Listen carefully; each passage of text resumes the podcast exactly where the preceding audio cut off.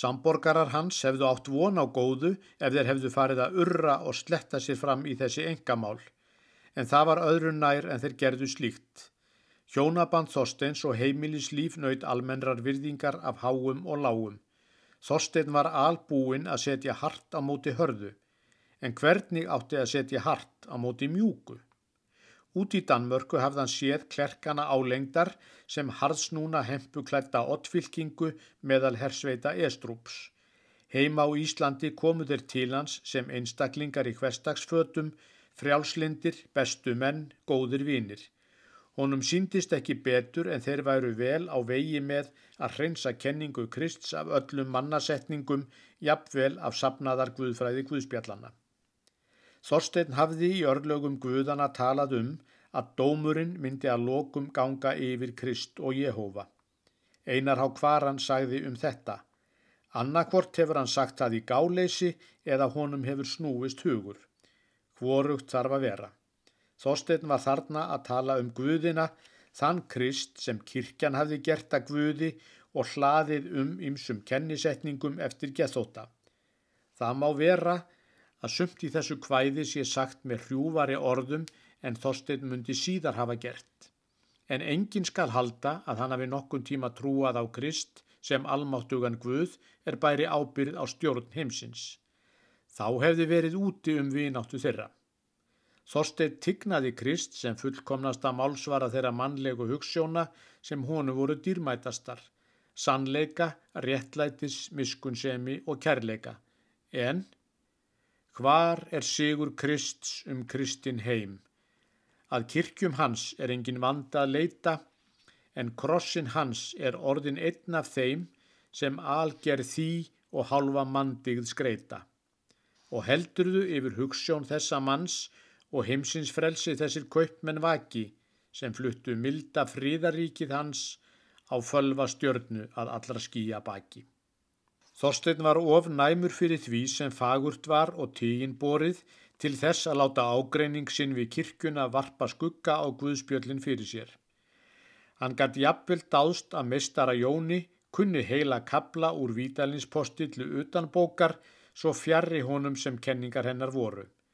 Passíusálmónum unni hann svo að hann let þá á samt nýja testamentinu venjulega liggja á náttborði sínu. Um þessi rít réða vísu nokkuru ástans á íslenskum snildarverkum en bæði um þau og nýja testamentið að auki bókmentasmekkur hans og rektar semi við allt sem hafði hrifið hug hans í æsku. Hann las þetta allt með sínu lagi, sínum skilningi úr því varð ekki fremur trú í kirkjulegum skilningi en til dæmis jól myndu að kirkjuhæfur sálmur. Það er aðtiklisvert að í skýrnarsálmi Erlings víkur Þorstein alls ekki að trúmálum. Ættjörðin og smælingjarnir sitja þar í fyrirrúmi. Ég held ekki að hann hafi þar verið að ganga fram hjá neinu sem honum fannst ótillýðilegt, heldur hafi hann ekki búist við að síni sínum yrðu trúarbröðin neitt svipað vandamál sem þau höfðu verið honum sjálfum.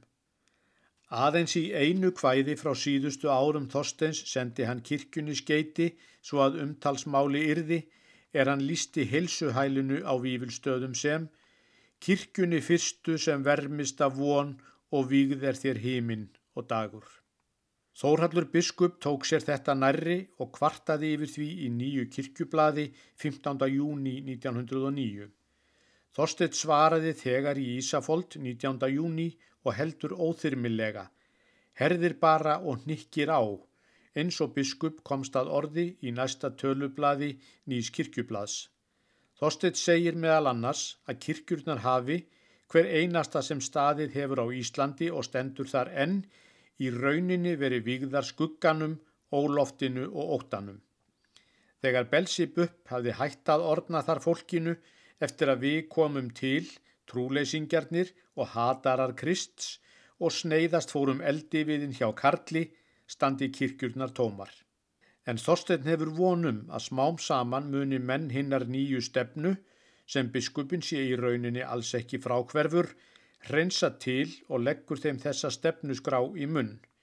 Við ætlum að verja þeim kröftum sem við eigum til þess að gör sópa þessa kirkju fylla hana af ljósi, degi og von og hætt ekki fyrir en sjálfur Jésús frá Nazaret kemur inn í kirkjuna til okkar í ljóma mannvits og réttlætis með sjálft bróðuríki sitt í fanginu. Sumarið eftir að Þorstein háði þessa síðustu snerru við kirkjuna áttum við samtal um trúmál eða öllu heldur hlíti ég á eintal hans um það efni því að hann talaði og ég hlustaði. Flesta því sem hann sagði þá man ég enn því nær orðrétt, ekki aðeins vegna þess að það var Þorstein Erlingsson sem talaði og hann flutti skoðanir sínar af óvenjulegum hýta og skýrleik, heldur af því að mér fannst þær vera svo einkennilegar og ég hef aldrei síðan kynst neinu manni sem brást á sama hátt við tilverunni. Þorstein rætti hvorki um kirkju, presta nýja trúarsetningar. Hann rætti um Guð og Guð var að vísu fyrir honum hinn gamla Guðs hugmynd kirkjunar en hann talaði um hann sem algerðan veruleika. Hann lísti ástæðunum fyrir ósætti sínum við Guð eins og hann gerir í kvæðum sínum. Gegn slíkum Guði hefði hann hlotið að rýsa og hann sagði Ef enginn hefur enn orðið til þess að reyna að gera byltingu móti honum, þá skal ég gera það. Á því augnabliki sá hann sjálfan sig sem ljósberan sem lifti uppreysnar kindlinum gegn þessum gamla innvaldi og harstjóra. En, bættan við, hvað á ég að gera ef hann segir við mig, ég gat ekki betur. Það rann út í fyrir honum við þá hugsun að Guð væri ef til vill góður, hefði gert sitt besta en brostið mátt til betri stjórnar og það yrði að fyrirgefunum þess vegna eftir allt saman. Svo hugsun að Guð sé að vísu algóður en ekki almáttugur hafði komið fram hjá heimsbyggingum 19. aldarinnar, til dæmis Stuart Mill, er hann reyndi að samrýma Guðs trúna velferðarkenningu sinni og mannúðarkröfum. Fyrir Þorstein var hún ekki enganlega tilraun röggréttra lausnar heimskátunar því að hann var ekki neyður til heimsbyggilegra eða frumsbyggilegra hugleiðinga. Hún kom fram sem neyð til samúðar og leit að afsökun. Líklega lýsa engar fjórar ljóðlínur í þyrnum Þorsteini betur en þessar. Ég veit þó sitt besta hver vínur mér gaf og viljandi blekti mig enginn en til þess að skafa það allt saman af er æfin að helmingi gengin. Annars vegar er uppreysnin, afnám allra villukenninga sem honum höfðu verið innrættar, hins vegar mildin og ræktarsemin, fyrirgef þeim þeir vissu ekki hvað þeir gerðu, gáttu ekki betur, voru vinir hans, vildónum vel, blektu hann ekki viljandi, heldur af því að þeir voru blektir sjálfur. Spurningin um hvort hann hefði gert Guði ránt til var síðasta spurning Þorsteins í málsókn hans á hendur drottni. Í aðra röndina myndi Þorstein mig á Kain í leikriti Bærons sem hann hefur eflaust þekkt vel. En byltingarhugurinn var tempraður af nýri evasemt sem var að því komin að breytast í samúð Því miður hefur Þorstedt hvergi látið þá hugsun og tilfinningu uppi í skálskap sínum en næst kemst hann því í ingangi fjallaeyvindar sem hann las fyrir mig sömari 1910 og mun þá hafa verið ný ortur. Þar örlar á löngun að sættast við Guð að vera sáttir skipbrótsmenn en um leið evanum að það sé und. Með þessum léttu ljósins sónum hann læsi fegin þakkar görð en treystir engum, engum vonum sem eru til á neittni jörð.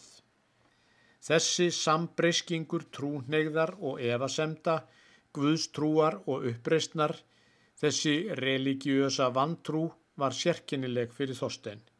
Hún leiti til sífældar baráttu sem átti mikinn þátt í því hversu óstyrnaður hann var og ungur í anda til dauða dags. En um leið setti þessi barátt að þroska hans takmörk, lokaði fyrir honum sumum þeim heimum sem til dæmis einari Benedikt sinni opnuðust á unga aldri þótt einar væri engin kirkjutrúar maður. Þorstein nam staðar við Eva semdir við að skafa út á neikvæðara stígi en honu var holdt. Hann lærði aldrei að sökva huga sínum ofan í hitt dularfulla og óræða í tilverunni, gera ráð fyrir að það sem honum síndist tilgánslausar drautir gæti verið nöðsynleg vakstarskýlirði frá æðra sjónarhóli en hann gæti klifið í þessu lífi. Blessa þann Guð sem hafði gefið honum skín, góðs og ils og vita hvort svo blessun yrði ekki endurgoldin. Þetta gatt hann gert gagvart náttúrunni og fósturlandinu. Hann hætti ekki að elska náttúruna þótt honum gæti sínst hún gagslaus, grimm og blind og Íslandi fyrir gaf hann allt. Við sögum þig aldrei, ættjörð kær, hver ógn sem á vegi stendur og blessaður sé þinn breyði sær og blessaðar þínar strendur. Hvar helst sem á spana bóðin nær og býða vor döiðans hendur. Milli þess að mæla svo við hluta af tilverunni og sættast við hana alla virðast ekki nema fáinn spór. En Þorstein stíi aldrei þau spór. Hann gati jafnvel ekki leitað hvildar í sömu hugsun sem Stefan G í erfiljóðunum eftir gest svonsinn, að engin vitandi og viljandi stjórn bæri ábyrð á hörmum lífsins. Millir samstillingar við lögmál og hrinjandi alverunar og skáldlegrar andagiftar eru tengsl sem við kunnum ekki að skýra til neitnar hlítar en finnum merki um í öllum bókmentum heimsins. Þorstein Erlingsson var getur svo mikill í lotningu og ástúð að hann beigð aldrei fullar bætur vantrúar sinnar. Hann þjáðist af því að vera uppreistnar maður gegn þeim guði sem hann gati ekki hægt að hugsa um að geta ekki samþýðst honum eins og ekkjörð sinni. Hann myndi hafa verið fúsa viðurkenna að ekkert gæti frelsað hann frá baráttunum við vond trúarbröð nema önnur betri sem hann gæti aðhylst af skinnsemi og hjarta í senn en hann sá þau aldrei öðruvísi en í glömpum sem gáttu eins vel verið tálspeiklanir í eigði mörgur ánglætisins.